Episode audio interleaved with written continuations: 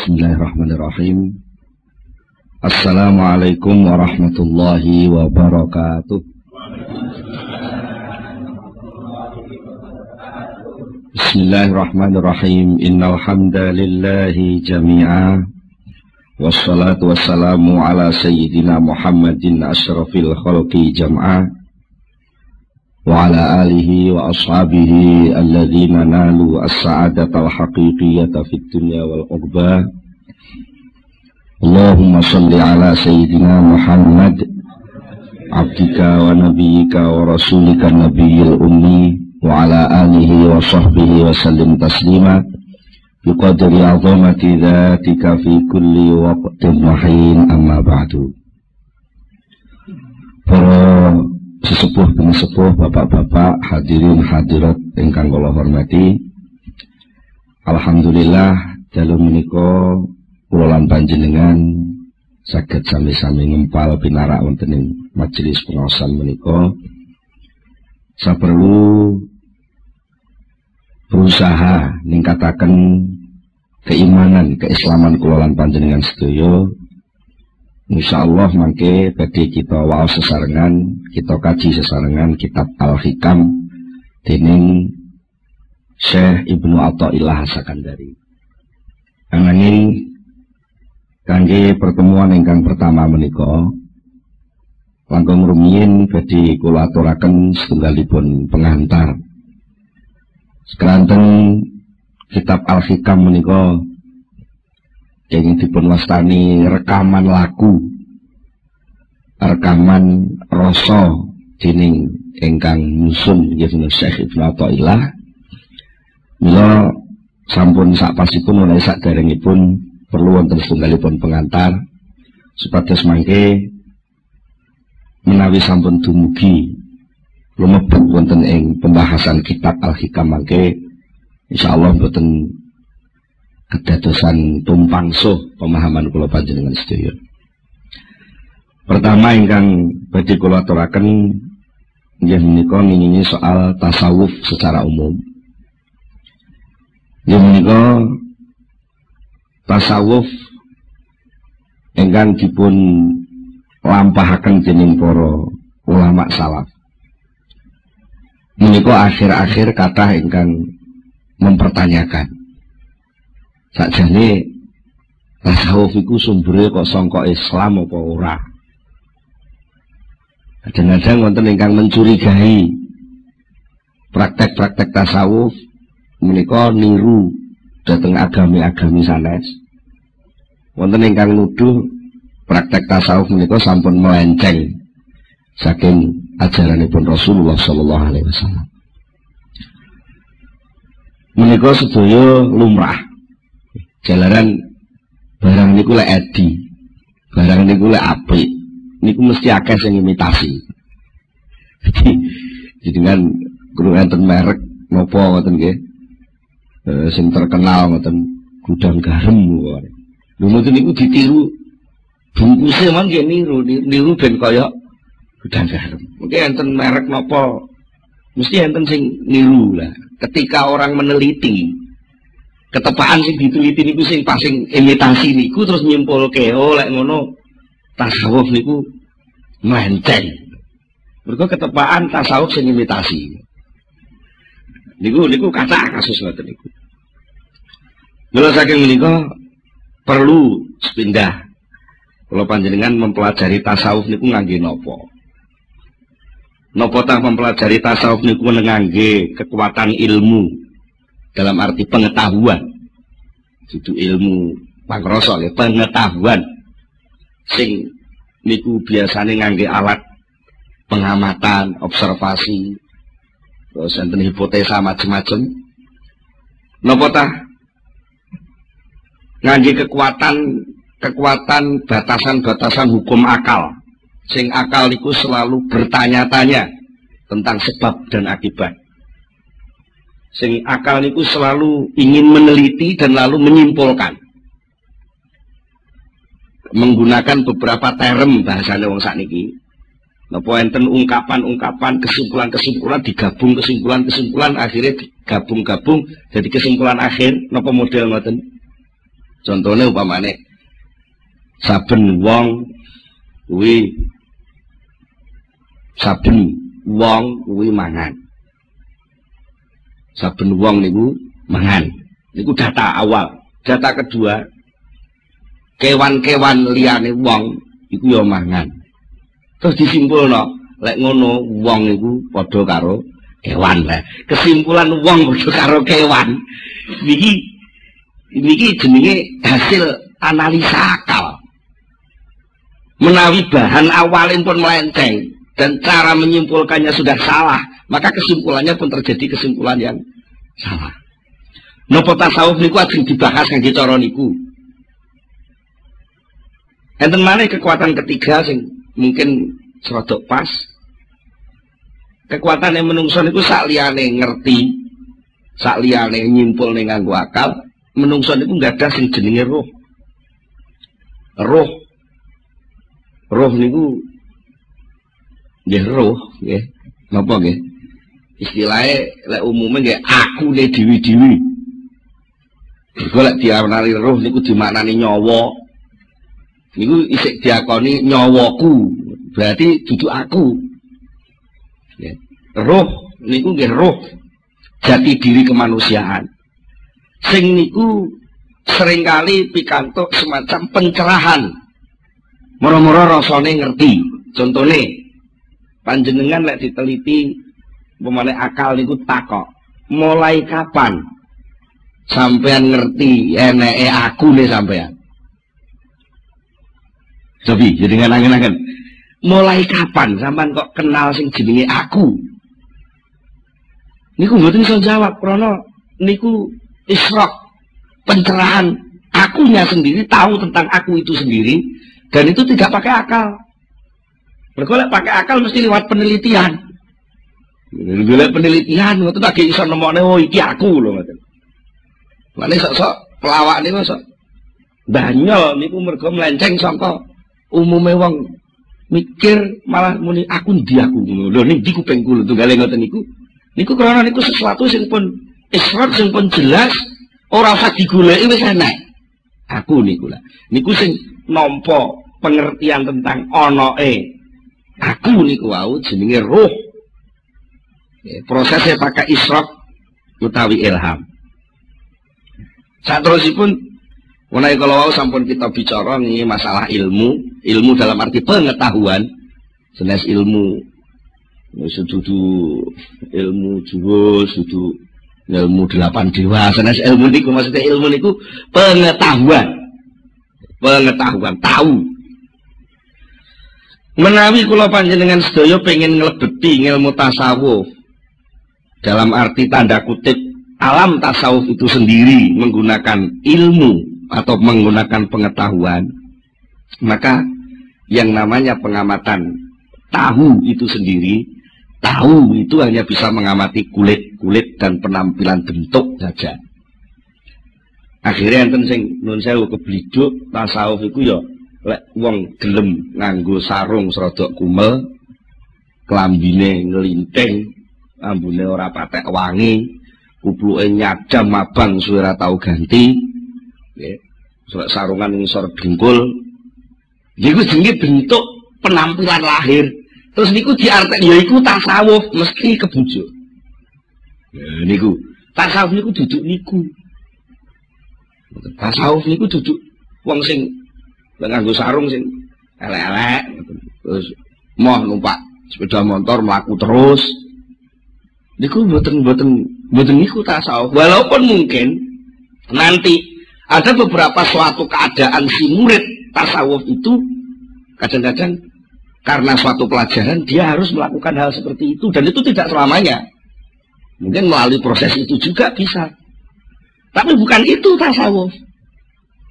Nah, itu bahayanya ngoten nek kula jenengan nyimpulne apa-apa sekedar delok jarine kabare terus niku mungkin mesti kebliduk. Kebliduk. Ini ibaratnya mung kaya wong delok ceritane ketoprak nglakone Sunan Kalijaga. Dan mergo delok ini delok delok tampilan tidak delok Sunan Kalijogo, akhirnya ngerti ini mau bentuk wajah sing ditampilno pemeran Sunan Kalijogo niku terus kebiduk. Ya itu loh Sunan Kalijogo. Padahal itu hanya pemeran Sunan Kalijogo. Iku bahayanya wong sing mengamati tasawuf ngangge pengetahuan. Lajeng enten malih sing mengamati tasawuf ngangge akal. Artinya akal itu pakai hukum akal logika, logika. Pakai kias. Damel nopo hmm, hukum-hukum hmm, logika untuk menyimpulkan suatu kesimpulan. Mereka nalikane pulau panjenengan menggunakan akal untuk memasuki lautan tasawuf yang tak terbatas itu. Kalau kita memasuki taman-taman indahnya tasawuf, lalu kita menggunakan akal yang serba bertanya dan mesti letterlek saklek. Nek iki nek A mesti kesimpulannya B. Nek A gandeng karo B arep muncul jenenge C dan begitu seterusnya. Niku pol-polane pol kemampuan akal itu hanya mengamati materi lahir. Senajan materi lahir niku kenging tinggi bahan awal pemikiran akal niku piyambak. Contohnya niki ana biting siji ana maneh biting maneh siji. Terus sampean amati disimpulke biting siji dijejer karo bitung siji kesimpulannya biting loro niku akhirnya terus tinggu pedoman senajan bitingnya wis gak enek akal pun mlaku dhewe. Siji ditambah siji mesti loro. Karena apa bahan awalnya kan materi. Lah mongko sing jeneng tasawuf itu bahan-bahan yang dipakai pemahamannya bukan material tapi langsung itu sesuatu yang gaib. Ya, sesuatu yang gaib sesuatu yang begitu luas di alam awang-awang ibaratnya ngoten sing tak terbatas. Niku lek ngangge akal akhirnya mungkin cara wong ngoten pengen mengarungi seluruh dirgantara tapi piyambake namung ngiberno layangan ngoten tok. Napa nggih saged gayo? Boten saged. Wong sing wis canggih ngangge napa kongkot mau iso rutuh nggih. Nggih nggih. Ngenane lah ngoten. Pesawat paling canggih kongkot bisa kecelakaan. Napa malih niki soal alam di balik alam kemanusiaan itu sendiri yang itu terkait erat dengan nurun nubuah, cahaya kenabian, alam wahyu, alam gaib, alam inti manusia yang itu sendiri, manusia itu sendiri adalah rahasia Allah Subhanahu wa taala. Nah, ini jadi dipahami nganggo akal maka yang terjadi adalah penyempitan persoalan manusia itu sendiri. Dan mulai saking menikah kangge memudahkan Terus pundi sipados kula kan panjenengan menika saged memahami tasawuf. Ya ampun nganggo alat sing rameh-rameh. Begitu luasnya tasawuf, sing mampu sakit ngerasakne tasawuf niku namung manahipun piyambak-piyambak. Mila mangke wonten ing kitab Al-Hikam. Insyaallah mangke badhe dipun paringi pinten-pinten penjelasan sing mungkin bertentangan kali kesimpulan akale wong umum. Kesimpulan akale wong umum sing sing salah niku dudu akale sakjane, tapi bahan sing dienggo nyimpulno niku lho kurang pas. Bahan sing dienggo nyimpulno niku kurang kurang pas. Contohnya contoh niki contoh sing mbok menawi teng pengawasan-pengawasan sanes sering kula kula aturaken. Contohnya ngeten. Wong sing usahane sregep niku sing akeh sukses hasil dari wong sugih. Enak wujudan jenenge usaha ikhtiar, ana akibat, enak sebab jenenge usaha, ana akibat jenenge sugih. Karena bahan ini ki akal nampa, terus nyimpul lek ngono, muncule sugih kuwi sangka usaha. Karena akal niki namung ngerti niki. Akhirnya sampai teng putih-putih niku akal niku terus berperan lan ngampanyekno suasana niki.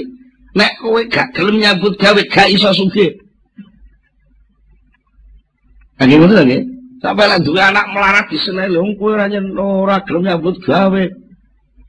Nah, niki niki pun boten pas. Sing hubungannya kali soal tasawuf. Kenapa? Soalnya tasawuf itu berawal saking pemahaman iman. Sementara iman jelas rukunnya wonten 6 termasuk sing terakhir niku wabil qadri khairihi wa syarrihi minallah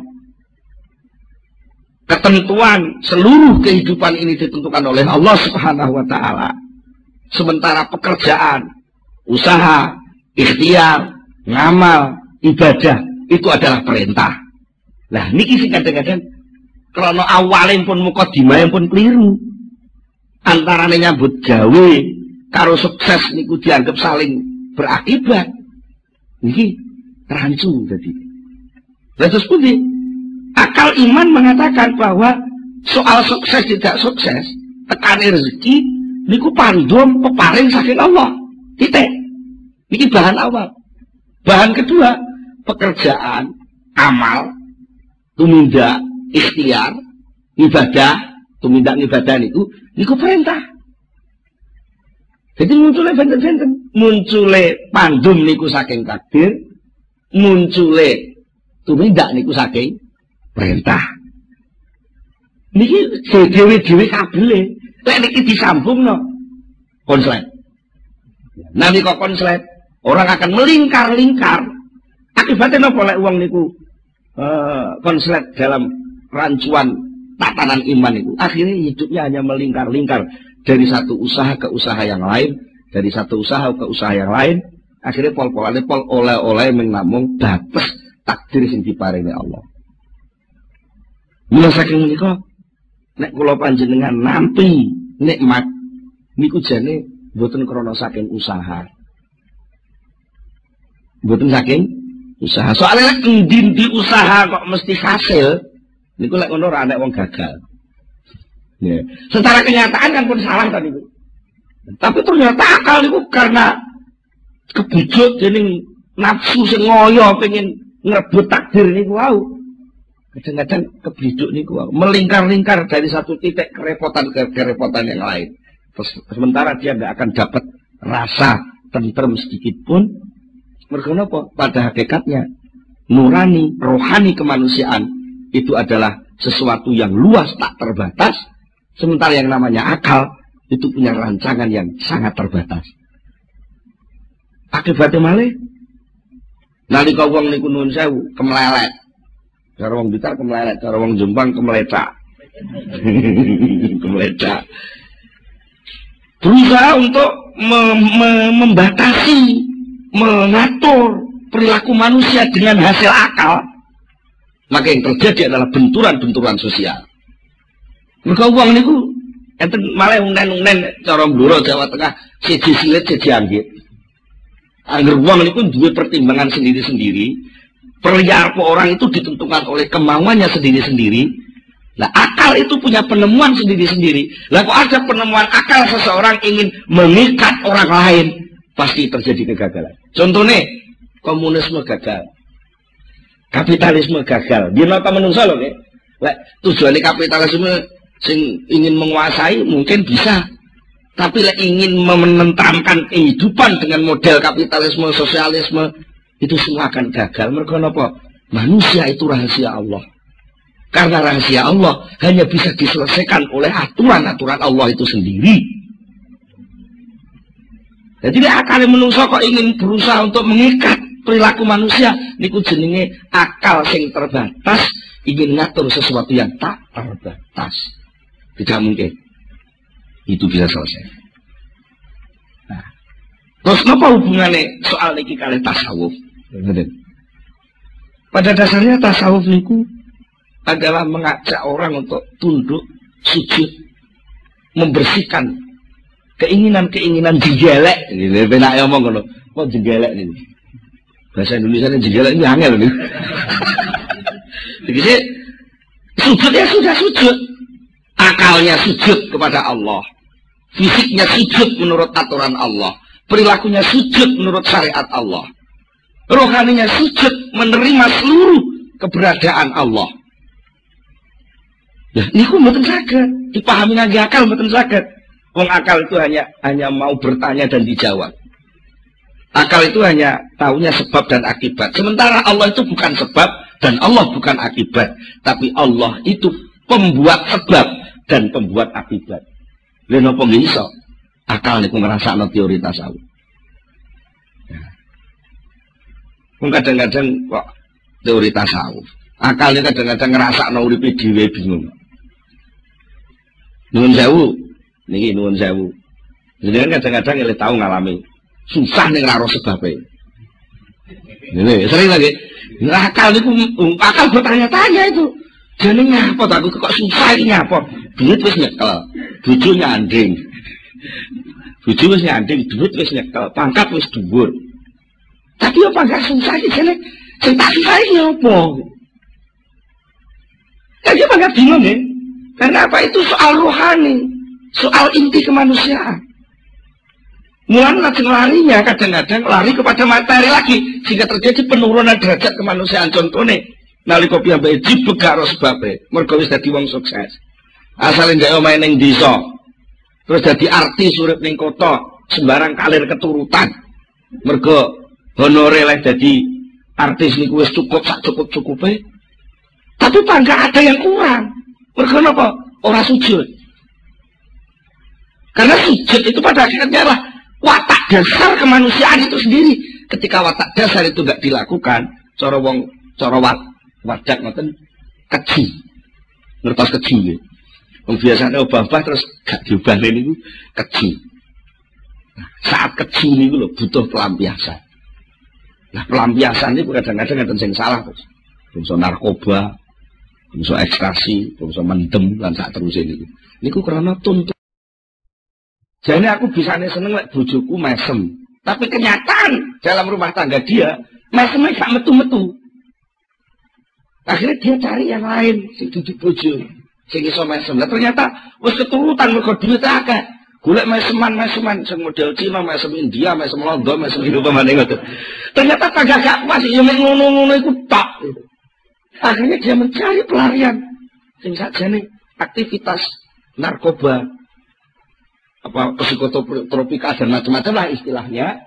Itu sakjane uang golek pelarian yang salah dalan pengen ngilangi akal ning ora mundak dhuwur pangkate ning malah asal derajate. Mergo kembali ke materi.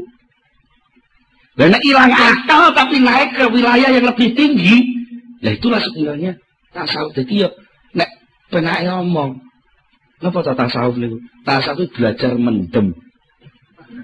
Tapi mendem Gusti Allah. Mulane sok-sok gerakane wong tasawuf, lek pas salat niku apa pun boten krungu apa-apa persis kaya wong mendem niku. Lha niku saestu.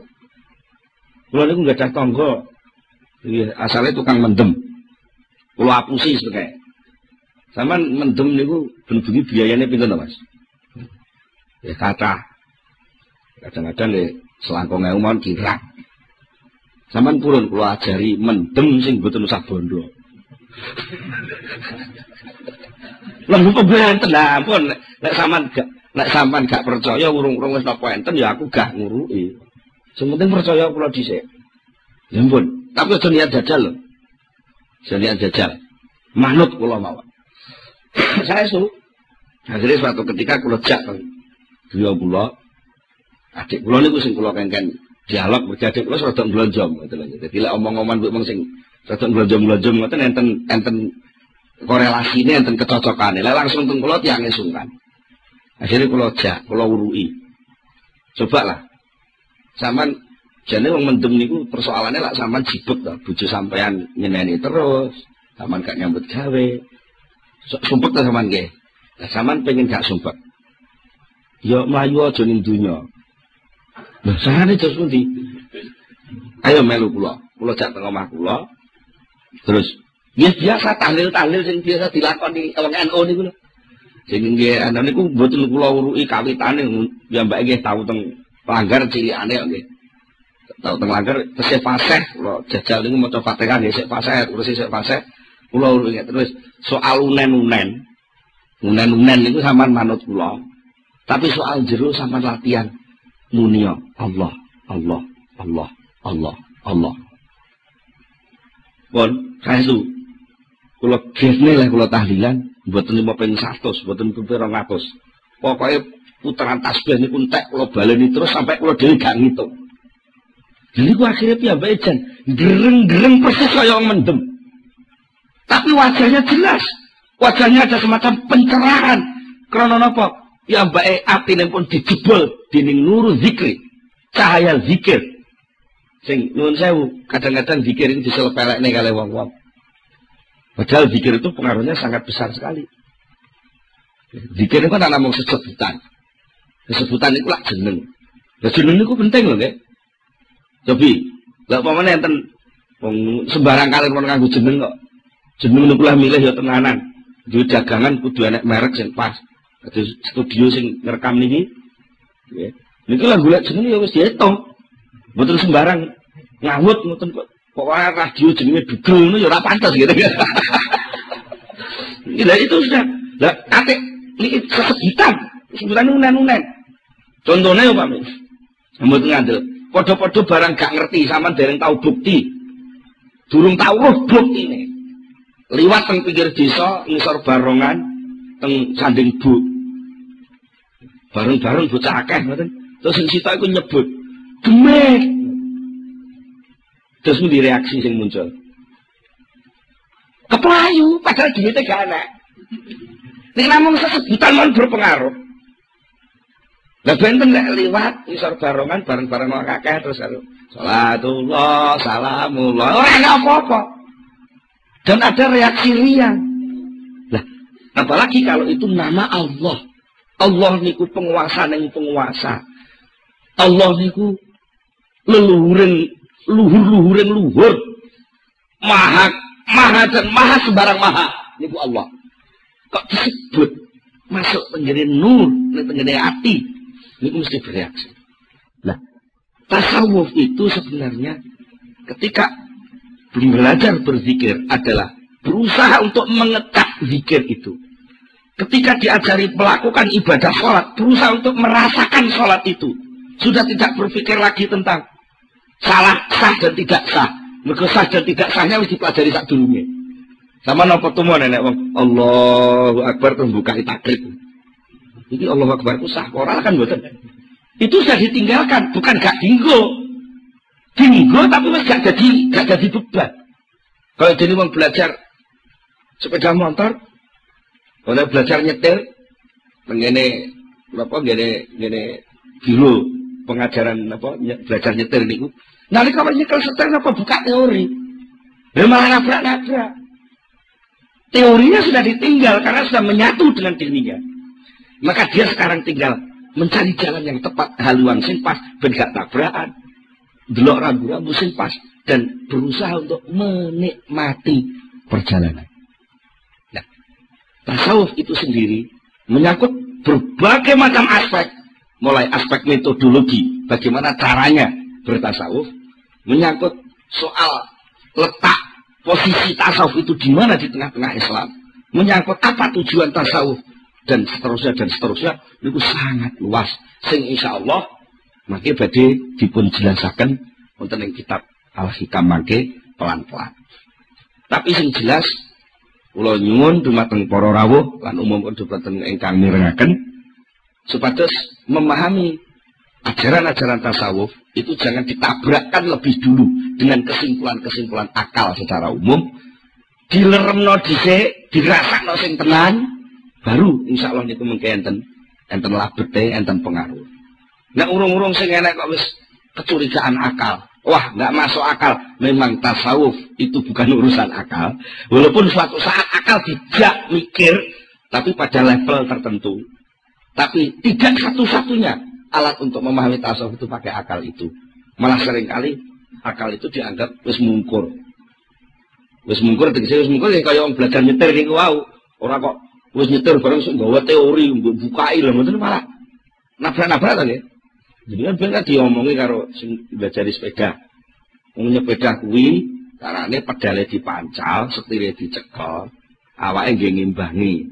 Nalika diomongi ngoten lak dereng dereng nyepeda. Sik diomongi. Ya terus jenengan kok nglakokne sepeda urut kaya lek ngomong ini ku malah tiba. Pedale dipancal, kalau harus dipancal setire dicekel ya tiba dhisik. Nah, terus putih yang bersepeda artinya apa? Ilmu tentang ibadah itu ketika masuk ke dalam tasawuf sudah bukan jadi ilmu lagi, tapi sudah menjadi satu kesatuan gerakan ibadah itu sendiri untuk berusaha dirasakan. Dari merasakan ilmu itulah akan muncul ilmu-ilmu baru, akan muncul rasa-rasa baru yang sebelumnya sama sekali nggak pernah dirasakan. Lak iso roh carane sepeda orang nyekel setir barang. Ya kok ora tiba lho mboten. Lagi malah ada sing nekat nganggo BMX niku jempeng ngoten niku kok ora tiba. Malah sing pun ahli akrobat niku malah nggawa sepeda roda siji ning dhuwur tampar kok ya ora tiba. Ya, niku sedaya mboten mungkin kelakon lek mboten langsung terjun melatih diri masuk ke sana. Jadi tasawuf itu pada hakikatnya adalah totalitas kehidupan sufi memasuki ajaran Islam itu sendiri. Kalau Islam ada tasawuf, ada fikih, ada tauhid, ada ini kan sebenarnya hasil kesimpulan para pemikir ulama-ulama terdahulu.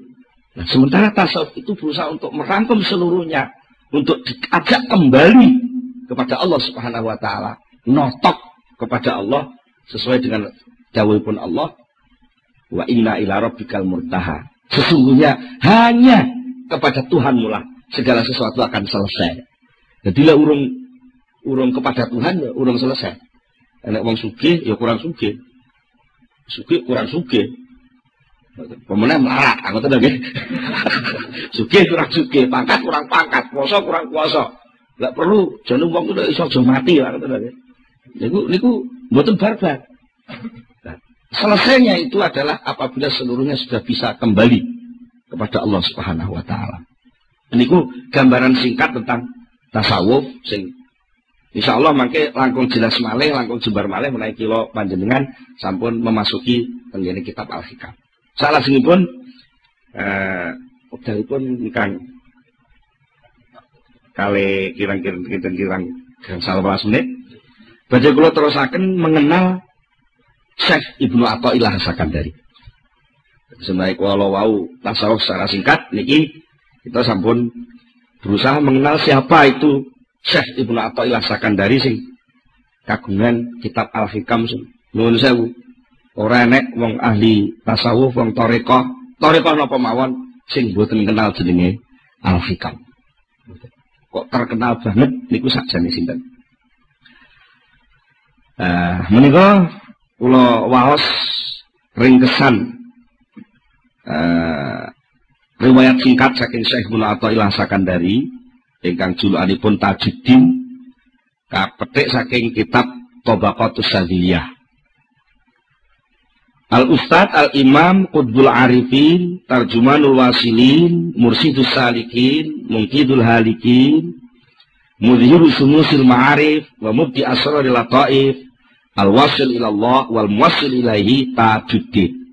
Jadi ini kudu juluan-juluan titel-titel sing diakoni di kalangan ahli tasawuf semua memberi titel kepada Syekh Munatoilah setunggal al-ustad guru al-imam panutan kutbul arifin menjadi pusat orang yang ma'rifat tarjumanul wasilin Orang yang menjadi juru bicaranya, orang yang sudah usul kepada Allah. Mursidus salikin, pembimbing, orang yang mengadakan perjalanan menuju Allah. Mungkidul halikin, orang yang mengentas, orang yang keblowok, melakoni kerusakan. Mudhiru sumusil ma'arif, yang berhasil menampakkan matahari pengetahuan rohani. Wa mubdi asraril lataif, yang bisa menampilkan rahasia-rahasia lembut, rumit, yang jarang ulama lain mampu menjelaskannya. Yang sudah sampai kepada Allah dan mengantar murid-muridnya juga sampai kepada Allah. Siapa mereka? Dia dia Tajuddin.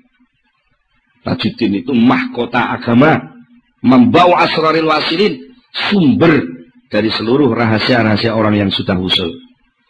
Abu Fadl itu kuliah. Orang Arab itu kalau sudah terkenal biasanya ada abunya. Apa namanya seperti kata sinten Sayyidina Ali dipunjuluki kanjeng Nabi Abu Turab. Bapak Elbu. Abu Turab.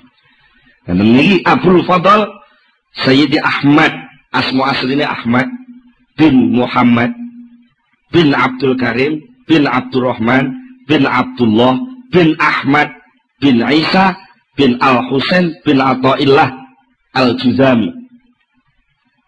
Nasabipun ngantos dugi kabilah Juzam. Lajeng madhabipun madhab Maliki.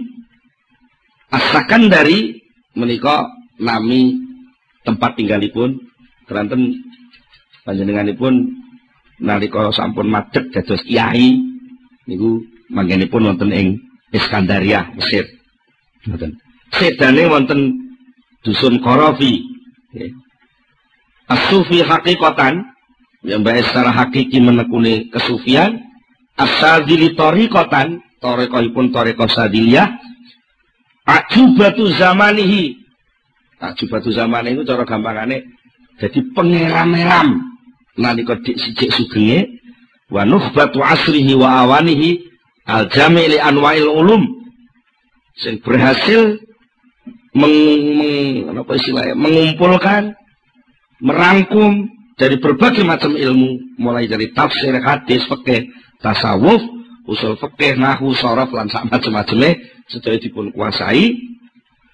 Malah di dening guru pun dipun juluki ya, madhabu ah, apa muftil madhabain saya Ibnu Athaillah kalih gurune dipun juluki muridku sing iki iki dadi muftil madhabain wong sing iso ngekei fatwa terhadap madhab loro ku madhab syariat dan madhab hakikat.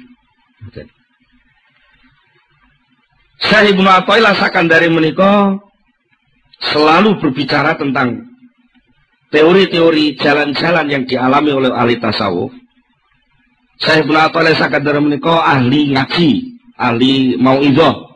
Cara saat ini kiai sing kata sangat pengikutipun di samping menika panjenenganipun nggih mursyid thariqah Sadiliyah ngantos gurunipun Syekh Abil Abbas Al-Marsi Syekh Abil Abbas Al-Marsi menika penggantosipun Syekh Abil Hasan As-Sadili.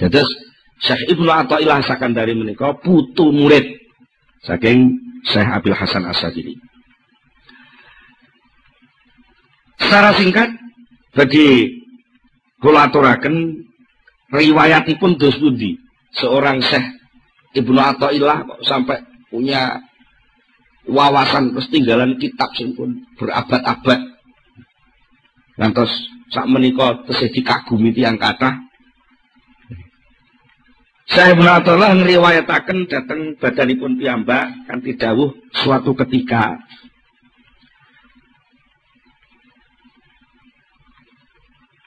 Saya Ibnu Athaillah menika nggadahi semacam napa nggih?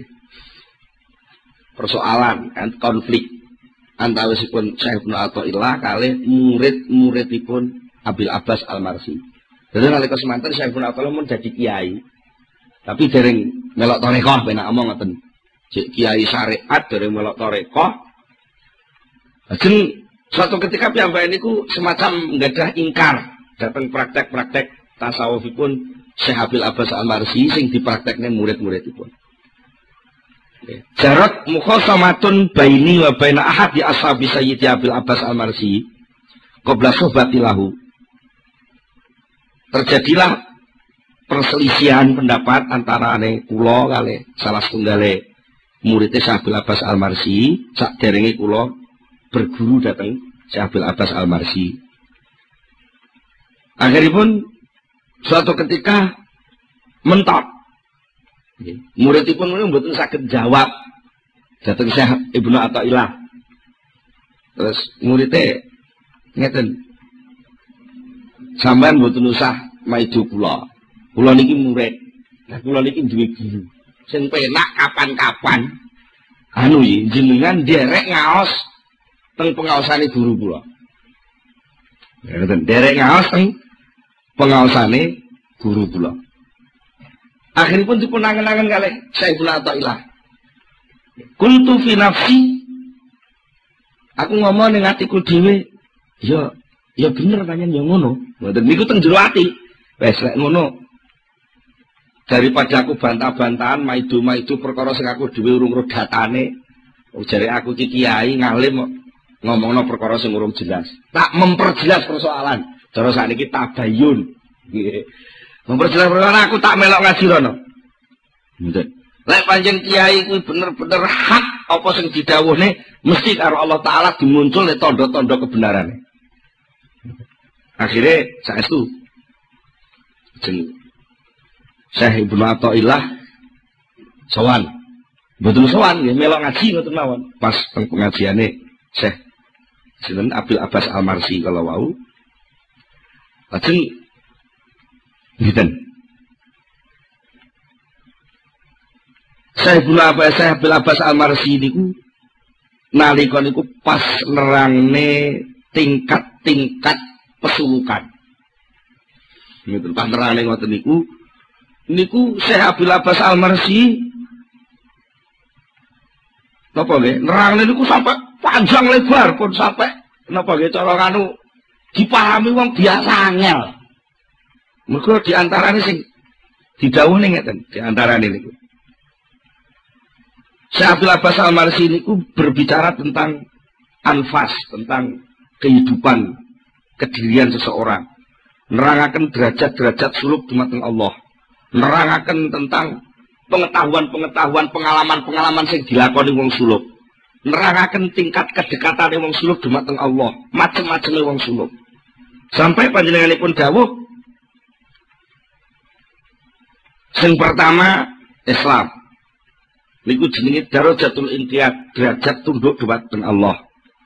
Terus taat, terus nglakoni syariat. Sing nomor loro iman, yaiku diarani makom makrifat, hak, mengenal hakikat syarak dengan mengerti keharusan-keharusan hamba. Niku lek wong tingkat iman. Lajeng sing nomor telu ihsan.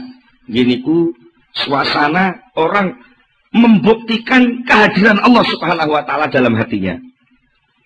Dengan istilah lain, terus saya Abil Abbas, istilah lain kamu bisa berkata, yang pertama Islam itu namanya ibadah, yang kedua iman itu namanya ubudiyah, yang ketiga ihsan itu abudah. Diterangkan malih, diterangkan malih, istilah-istilah sampai pinten-pinten istilah. Gitu, sing cara wong ngaji sampai blengek. Pinten-pinten istilah. Akhirnya kesimpulanipun Syekh Ibnu Athaillah sing asale jane pun rada suudon dhisik niku wau. Piyambake terus yakin. Akhirnya kula yakin terus Syekh Ibnu Athaillah bahwa Abil Abbas Al-Marsi ini dapatnya ilmu tidak sekedar dari kitab, tapi langsung dia dapat loberan lautnya ilmu Allah. Nek teko kitab ae aku wis kenal kok wong aku jago kitab ibaratnya cara sakniki ngoten. Aku tukang maca kitab wong aku wis kiai. Ya tapi ki ana ukapan-ukapan ukara-ukara secara apa pun gak kena dibantah, tapi ora ana di kitab. Mesti saka pangeran. Akhirnya dengan begitu sahabat pun ngaos, Syekh Ibnu Athaillah terus hilang. Suudone teng Abil Abbas malah sing enten rasa tresno lan demen. Sing tekane niku dadak. Ngoten tekane dadak. Bangsa wangsulkin pengajian dia tidak mampu untuk masuk ke rumah. Kaya-kaya niku ndelok omah niku wis mboten iso. Pokoke kaya-kaya piyambake mlebu omah niku wis wis ora doyan lah ben Ketolak atine nolak mau mlebu omah. Terus enten rasa-rasa sing aneh. Sing sakjane apa to rasa? Ini ku mboten ngerti. Ya mbak ini ku mboten ngerti. Terus ya mbak nyepi. Nyepi delok langit. Akhirnya mboten kuat ngampet. Terus ya mbak nyempol kayak iki gak iso ngudari le ora Syekh Abil Abbas Al-Marsi. Akhiripun saya pun Athaillah soal dengan Syabil Abbas Marsi menyatakan kula niki kangen datang jenengan. Saya ukip buka. Ana wallahi ukip buka. Akhirnya saya Abil Abbas jawab, Ahabbakallahu kama ahbabtani. Ya muga-muga Gusti Allah nyenengi sampean kaya oleh sampean demen teng kula. Niku pun kesindir pun. Wong mesti ini kan assalamualaikum kok malah pedok orang mulia assalamualaikum. Karena napa brontone pengen kepanggih saya Abil Abbas Al-Marsi. Akhiripun sak sampun pun mekaten sedaya kawontenan sing dialami Syekh Ibnu Athaillah sedaya dipun pasrahaken dhateng gurune dipun tuntun dening gurune Syekh Abil Abbas Al-Marsi sampai Syekh Abil Abbas Al-Marsi nudin temenan lek bocah nom sing wis pinter dadi kiai iki kok manut aku tenan tekun Sumben akhirnya dia Arab jadi muftil madhabain. Dia Arab menguasani ilmu lahir dan ilmu batin. Nikulah Syekh Ibnu Athaillah sing insyaallah mangke kitabipun Al-Hikam bagi kita pelajari sesarengan wonten ing pertemuan-pertemuan ingkang badhe dateng. Kula dinten cekap semanten rumiyin, monggo kita tutup pengawasan menika kanthi sesarengan maos Al-Fatihah.